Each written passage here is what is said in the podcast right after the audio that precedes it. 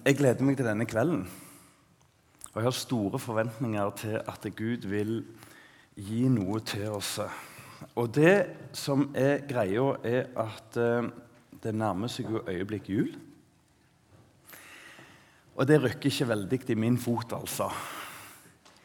Men samtidig, så på Klepp, der som jeg går, så har vi sagt at vi ønsker å gjenvinne to ting nå. Vi ønsker å gjenvinne eh, søndagen. For det er ikke kjøpesenteret som har ødelagt søndagen. Det har vi rota til sjøl langt på vei. Vi må gjenvinne søndagen. Og så ønsker vi å gjenvinne høytidene. Hva hadde det jødiske folk vært uten høytidene? Mm. Og høytiden er først og fremst noe som har gått tapt for de kristne, ikke først og fremst for alle andre. Og nå nærmer det seg jul, og nå har vi en briljant mulighet til å få gå inn i en tekst som egentlig er en langt på vei en juletekst fra Filippa-brevet. Og jeg har lyst til å dele litt sanger med dere. Eh, veldig, veldig løst plukke både herfra og derfra. Eh, og jeg tror vi begynner med en sang som vi kan bare høre ganske rolig nå. Og så, Unnskyld før vi hører den. Jeg fikk høre den av en prest. Og han, eh, Jeg var, gjorde en jobb i et hus og så jeg han hadde et veldig lydanlegg. Og Da klarte jeg ikke la være, så spurte jeg du, kan jeg få høre dette lydanlegget. Så satte vi oss ned i en stol, eller jeg fikk sitte i senterstolen. Det var det den stua var til. Og så lukte han øynene i 15 minutter før jeg fikk kontakt med han. Og det var denne artisten som jeg skal få høre nå. Og jeg gikk hjem, og jeg òg lukka øynene. Vær så god.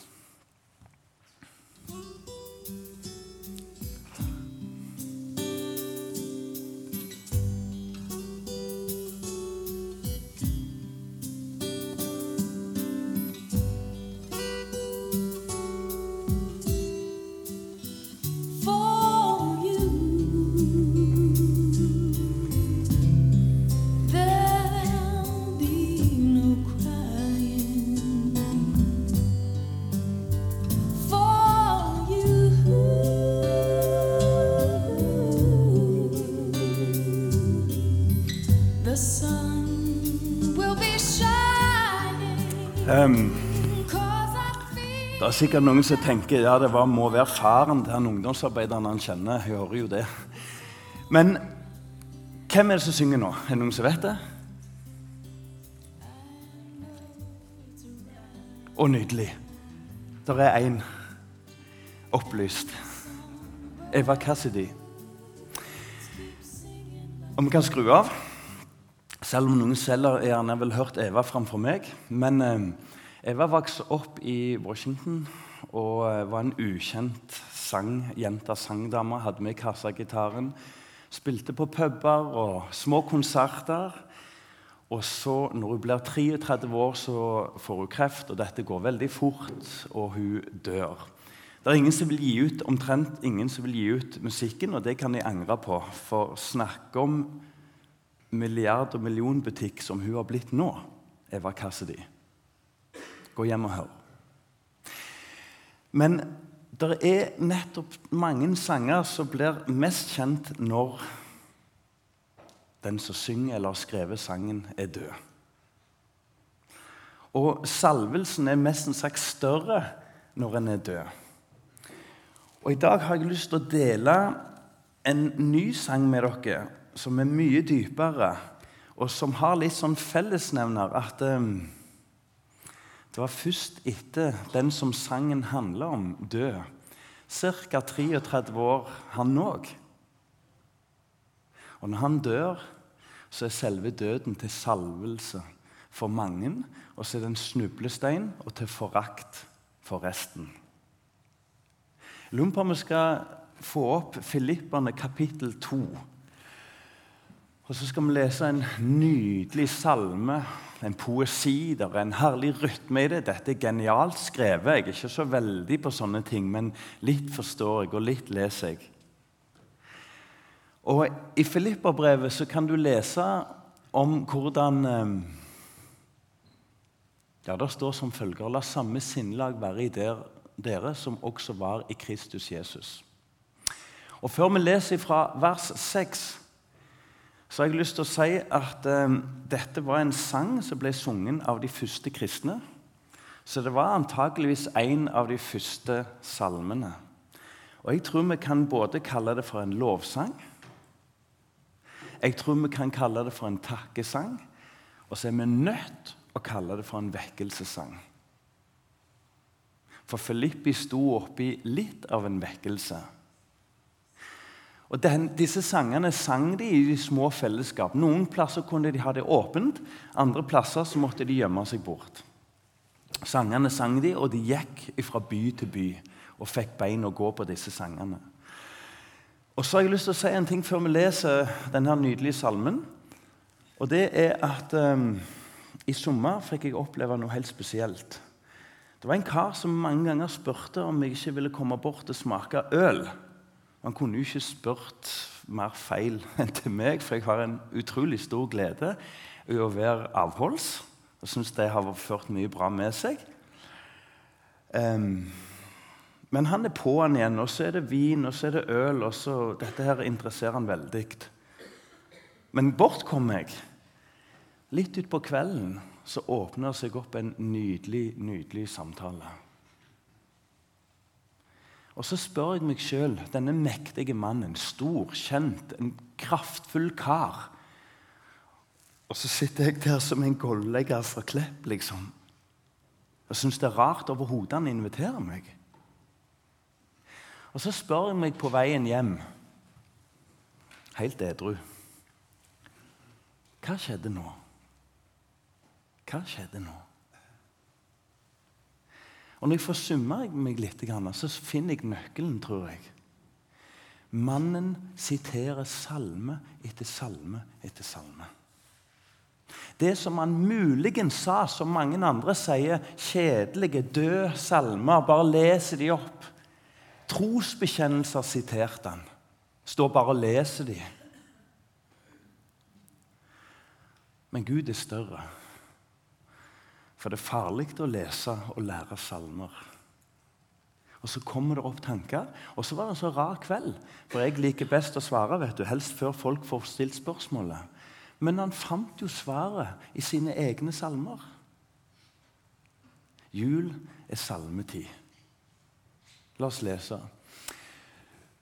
Han var i Guds skikkelse og så det ikke som et rov å være Gud lik, men gav avkall på sitt eget, tok på seg en tjenerskikkelse og ble mennesker lik.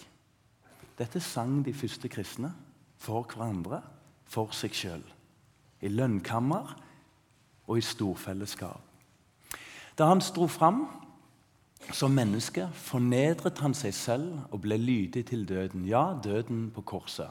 Derfor har også Gud opphøyet ham til det høyeste og gitt ham navnet over alle navn.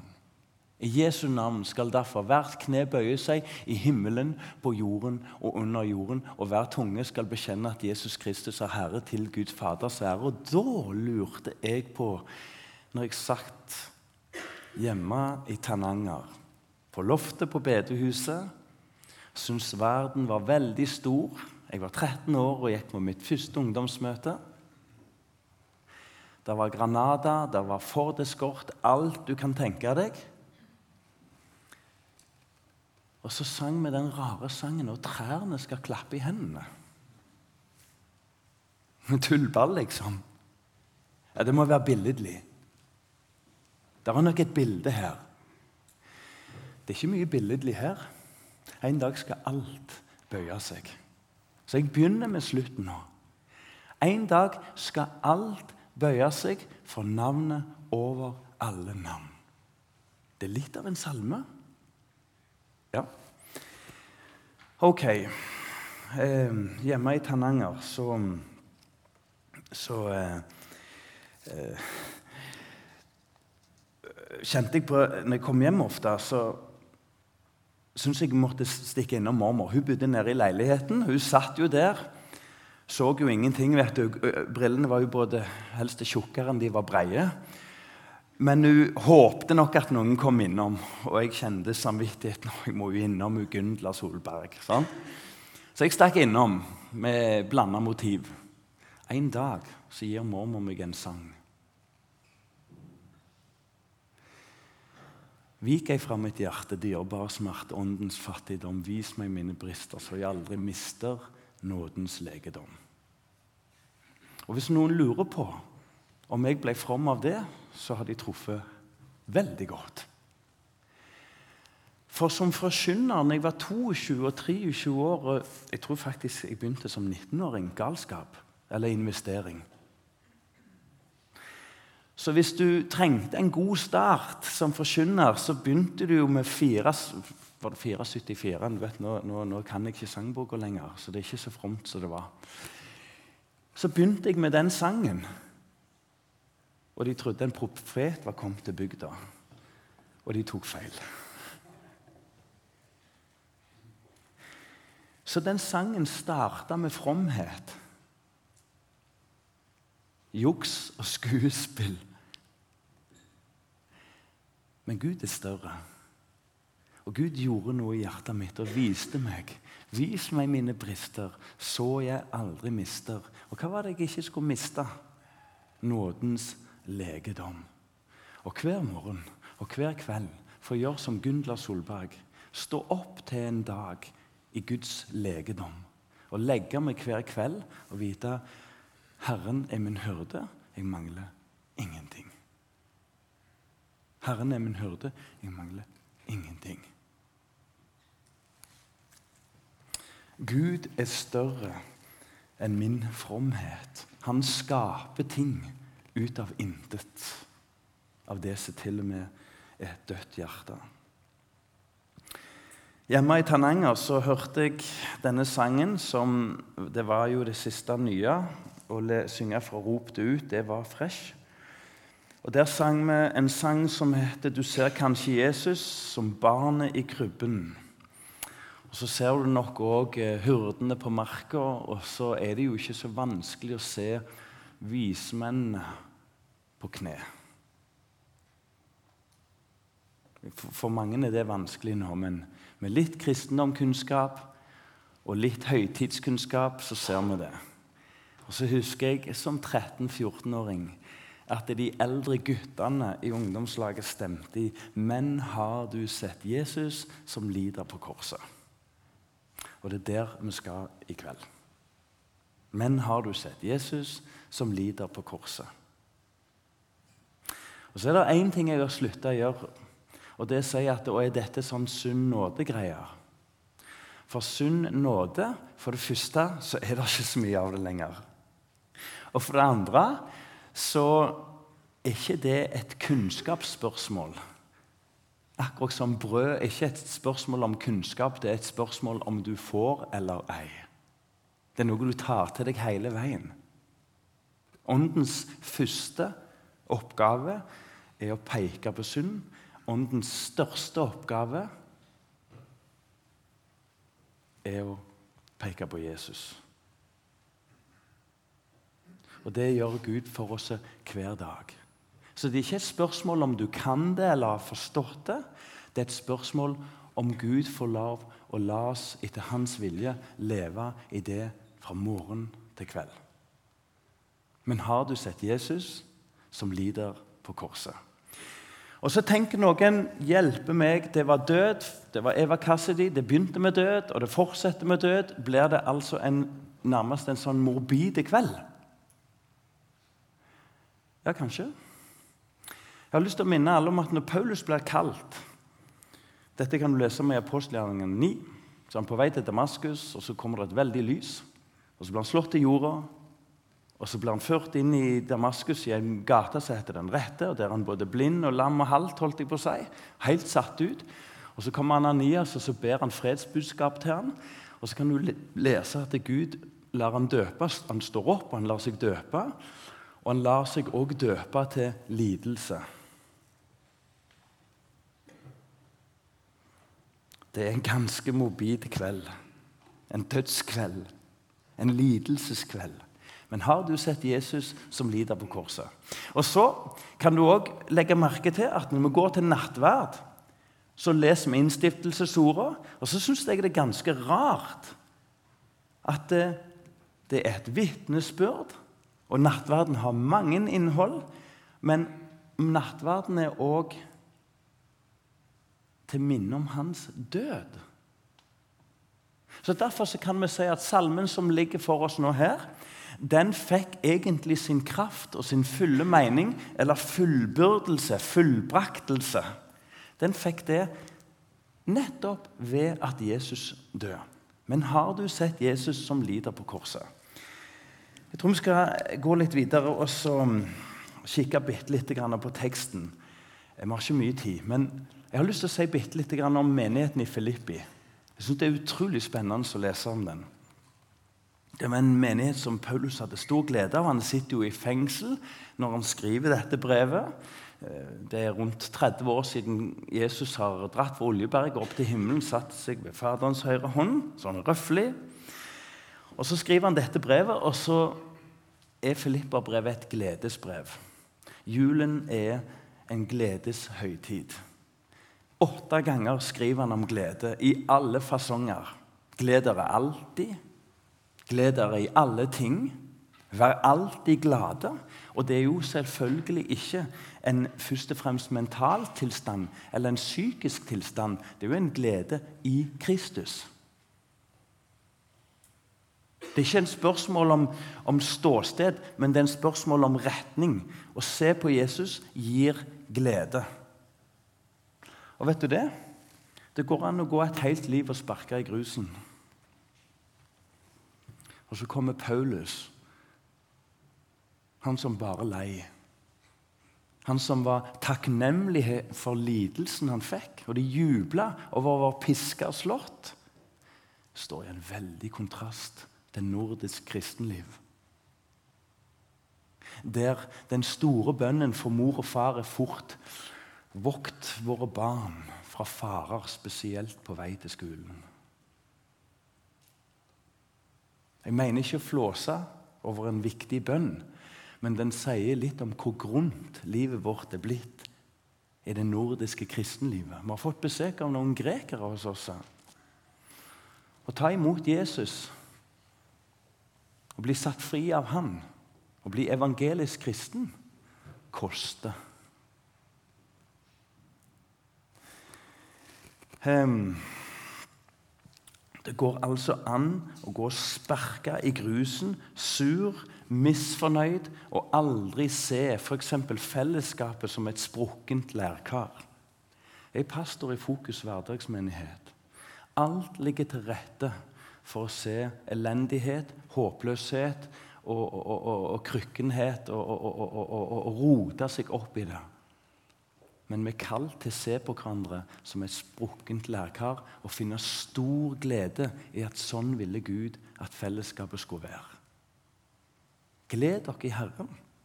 Det er fantastisk å se på Jesus og bli inspirert av mennesker. Det var nettopp en som ble kristen eh, på Klepp. Maken til glede. Nå må kona bli kristen. Det er den store bønnen hans. Er ikke det flott? Mm. Eh, I Filippi så er egentlig, eller Filippi-menigheten det er et resultat av en drøm. Paulus og kompanjongen er jo på vei mot Asia. og så Om natta blir de varsla i en drøm, ser over elva, holdt de på å si, og der står det en engel og så sier 'den veien'. Og takk og lov så var det retning i Norge, grovt sett. Altså i nord i Hellas, i Makedonia, i Filippi. Og så drar de der til. Filippi er et resultat av en drøm. Salem er et resultat av et kall og en drøm og en visjon. Og når det er borte, så er alt borte. Hele julen er en eneste visjon. Hele julen er et eneste syn. Og så kan vi igjen videre minnes hverandre på at eh, Gud har noen ferdiglagte gjerninger for oss som vi kan få gå inn i nå i jula. Og så kan vi spørre Gud er det noe jeg skal gå inn i. Og så er det så flott, for det er ikke bare til å gå inn i det, men det er jo ferdig. Det er lagt ferdig, og det er planlagt fra evig tid av. Tenk så flott at Gud gir mennesker drømmer, syner, visjoner og tanker. Sånne enkle tanker, altså. Filippi er òg den første menigheten i Europa. Og eh, det var få jøder der. Det var få eh, Det var ikke synagoge, må en anta. Så Paulus kan liksom ikke jobbe sånn som han alltid har jobbet. I hvert fall ikke sånn som Peter jobbet. Så det blir å søke steder, sentrale plasser, og i bunn og grunn enkeltmennesker. Han kunne ikke på en måte vente på den store vekkelsen. Han søkte enkeltmennesker. Og Lydia er en av de første. Og så kommer det en sånn nydelig setning Lydia og hele hennes hus. ikke det flott? Lydia og hele huset ble berørt av dette til frelse. Jeg har lyst til å minne om at selv Filippi er et resultat av samtale mennesker imellom. Ikke fordi at alle vekkelser skal foregå nødvendigvis sånn. Men hvor lenge skal vi kristne sitte og vente av større forventninger til institusjoner og alt annet enn det Gud kaller oss til? Det var Josef det gjaldt. Det var Maria det gjaldt. Det var vismennene det gjaldt, det var ikke de andre. Gud hadde et budskap og en plan og en gjerning for de å gå inn i, én og én når jeg var ung for mange år siden, så opplevde jeg i Tananger at eh, en del av mine venner ble frelst. En rundt kveldsmaten og mor og fars andakter. En husker jeg var inne på Vaulali. Vi sto og lente oss inn til et autovern. Og Så sier plutselig en på siden av meg du Aslak, hvordan blir jeg kristen? Og han er i dag kristen. På et autovan. Han er ikke kristen på det, men Og der det skjedde. Så jeg mista det.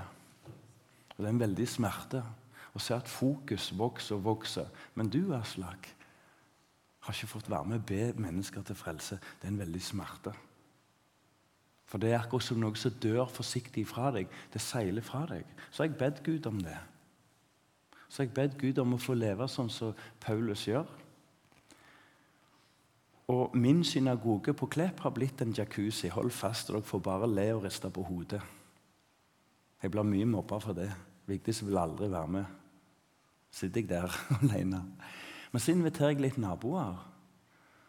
Og dette har jeg lov å fortelle. Så fikk jeg oppleve en dag at en god venn sier til meg etter mange samtaler og mye bibellesning Mye bibellesning.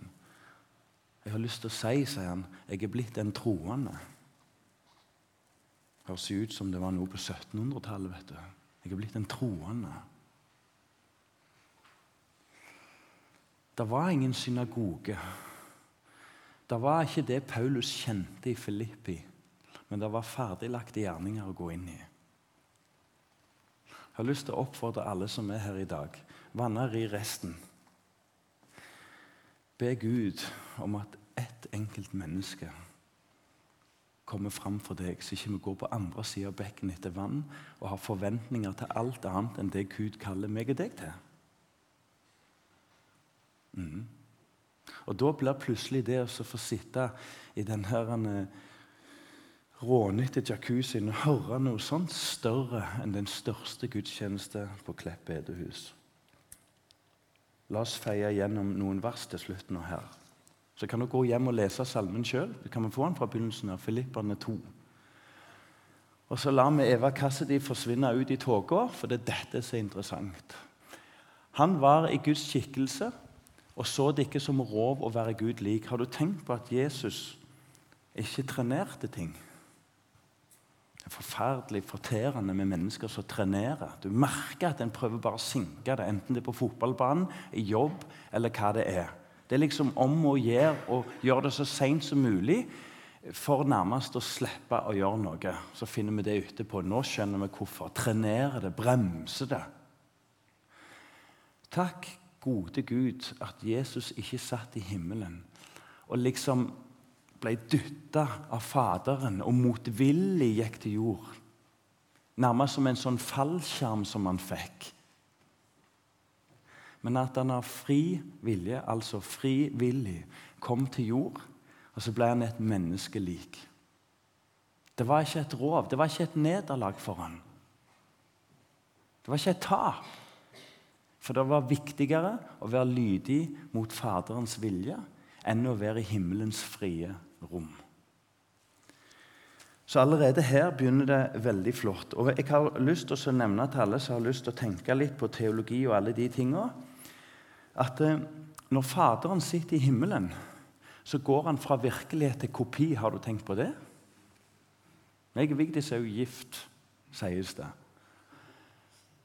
Og Jeg har oppdaga at meg og Vigdis sitt ekteskap er på et vis ikke helt ekte. Og hva skjer nå? Jo, vi faktisk, det er vi som er kopien. Tenk på det? Meg og Vigdis er kopien av bruden og brudgommen. Meg og Vigdis er en bleik kopi av Jesus sitt forhold til kirka på jord. Det er vi som er kopien. Det er han som er virkeligheten. Vi er speilbildet av Gud. Håper du er med meg i tankeeksperimentet. For selvfølgelig så er det gudsviljen. Det er, eh, Gud, Gud har stor, stor glede i det han har skapt, og det er til hans vilje. Men jeg tror vi er i ferd med i dag å vikle oss inn i at himmelens rom er noe billedlige greier. Mens dagen i dag er virkeligheten og det jeg må forholde meg til. Og så viser salmen også at det, det er en evig virkelighet som heter himmelen. Og det er en evig virkelighet som heter fortapelsen. Og så er vi et speilbilde av noe større. Ja. Meg Vigdis er ikke kalt til å være en fake samliv, selvfølgelig. Han kom frivillig. Og så i vers 7 så kan vi lese at uh, han tok en tjenerskikkelse på seg og ble mennesker lik. Og jeg har lyst til å si en ting, at Fornedrelsen for Gud var ikke å bli menneske. Gud snakker ikke mot seg sjøl. Fornedrelsen til Gud var ikke at han ble et menneske. For det er jo det ypperste, det er jo øyenstenen. Fornedrelsen var at han lot seg fornedre og forlate av Gud. Så kom han ned til jord, og så tar han på seg denne tjenerskikkelsen. Så sier Jesus en plass, 'Hvem sier dere at jeg er?' Innledningen til det er at han egentlig spør hvem sier folk at jeg er. Skulle gjerne vært der og sett situasjonen og samtalen. Og Så strammer han det til og så begynner han å se på disiplene. ser jeg for meg. Og så sier han, 'Hvem sier dere at jeg er?' Hadde vi hatt god tid, så skulle vi satt oss ned, bedt og tenkt, og så skulle vi spurt ja, hvem sier jeg at Jesus er? Hva bilde har jeg av Gud, av virkelighetens Gud? Mika har mange titler på Jesus, og vi kan si f.eks. Messias, konge, rabbi, frelser, lærd, fredsfyrste. Eh, noen flåste mot han, og gjerne brukte litt sånn ikke han eh, eh sønn fra Nasaret, liksom. Så Jesus hadde mange hykler, gudsbesporter. Han hadde mange titler. Peter får ros fordi han sier 'du er Messias'. Og Så svarer Jesus tilbake og så sier at 'dette har Gud åpenbart deg'. For det går ikke an å se Messias uten at Gud åpenbarer det. Det går an å leve religiøs uten liv. Et helt kristent liv så kommer det til et punkt at Gud må få lov å gjøre ting i mitt og ditt liv. Han må få vise du er Messias. Og så har jeg tenkt videre, og dette må stå på min regning. Hvem sier Jesus sjøl at han er? Hva sier han om seg sjøl? Har du tenkt på det? Fordi Jesus kaller seg en tjener. Vi har hatt ett år med fordypning i tjener sin, the servant mind of Jesus Christ, på Klepp. Jesus rett og slett identifiserer seg først og fremst som en tjener. Tenk på det. 23 ganger i Bibelen så kaller han seg sjøl for menneskesønnen. Og Da har jeg lenge tenkt det der er sikkert et fint ord på noe veldig dypt og viktig og veldig åndelig og veldig flott, men det betyr simpelthen menneske. Hele poenget er at Jesus prøver å forklare har dere ikke skjønt jeg er kommet ned her fordi det var min oppgave å bli sant menneske. Tjener menneske. Jesus går altså en omvendt karrierestige. Og I Markus 7 kan du lese at han rett og slett forbyr de andre titler som egentlig profetene gir han, bl.a. Messias. Han forbyr de og sier det der skal ikke dere bruke om meg nå. Merkelige greier. ene øyeblikket roser han Peter for å kalle han Messias og sier det har Gud åpenbart deg. Og I andre øyeblikket så sier han rolig. Hvorfor har han gjort det? Jeg tror at det er nettopp det som var Guds dypeste vilje at Jesus skulle komme ned for å tjene. Og det er den største motstand i oss mennesker å bli tjent av Gud. Til og med Messias kan være lettere. Fredsfyrste kan gå.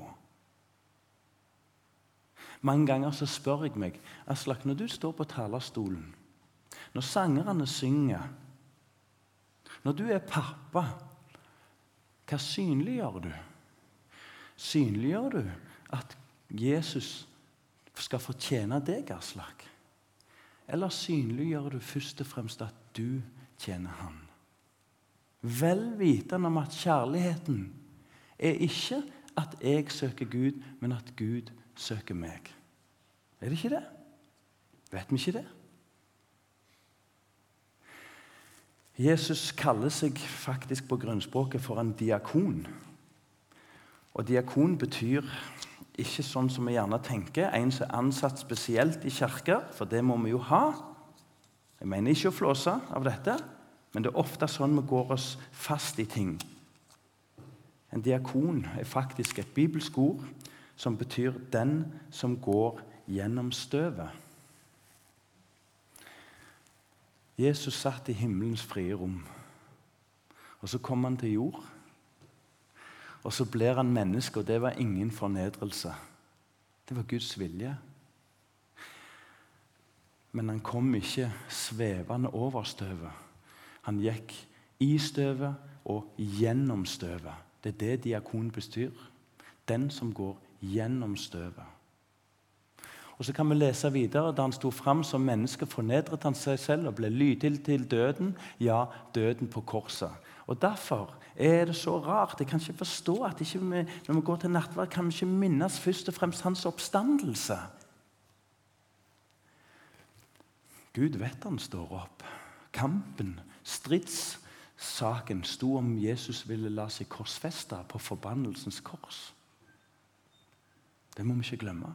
Gud visste at han hadde kraften til å sprenge dødens krefter og bånd. Og det gjorde han. Så kampen sto i lydigheten å gå dødens og tjenerens vei. Og Derfor så kan vi minne hverandre om at i et godt fellesskap så synliggjør vi for hverandre, så vitner vi for hverandre, og så forteller vi hverandre at Jesus er først og fremst kommet for å tjene meg og deg. Ikke for at du og jeg skal først og fremst tjene Han. Og så står det så utrolig fint etterpå arbeid på deres frelse, og da rakner alt. Nei, det står ikke 'arbeid for din frelse'. Det står 'arbeid på din frelse. Så når meg og deg får ta imot at Jesus får leke oss med at han tjener oss Han lot forbannelsen ramme seg.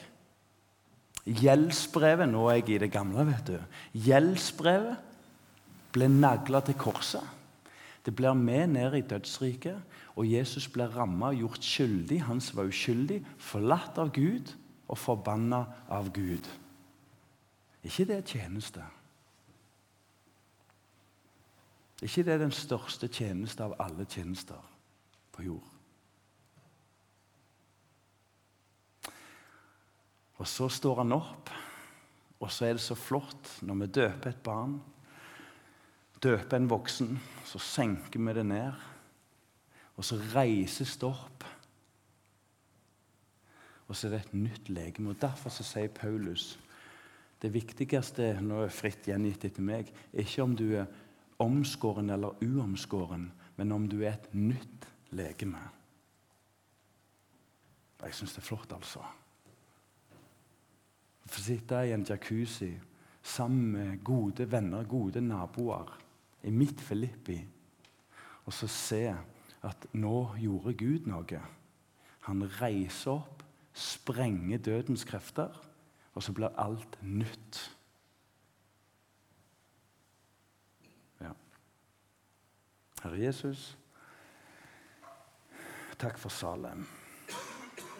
Takk for fellesskapet. Takk for det sprukne lærkaret som du har gjort her i Stavanger. Takk for at du er her for å tjene menigheten. Og så skal vi få lov å tjene hverandre som gode diakoner. For du gikk foran og viste vei. Og Herre Jesus, jeg ber om at du kan få vise oss ett menneske, eller noen mennesker, som vi kan få lov å eh, gå i noen ferdiglagte gjerninger for på et eller annet vis. Gjør oss lydige, for lydighet fører til seier. Det har du vist oss, Gud, ved din sønn. Og vi ber i Jesu navn.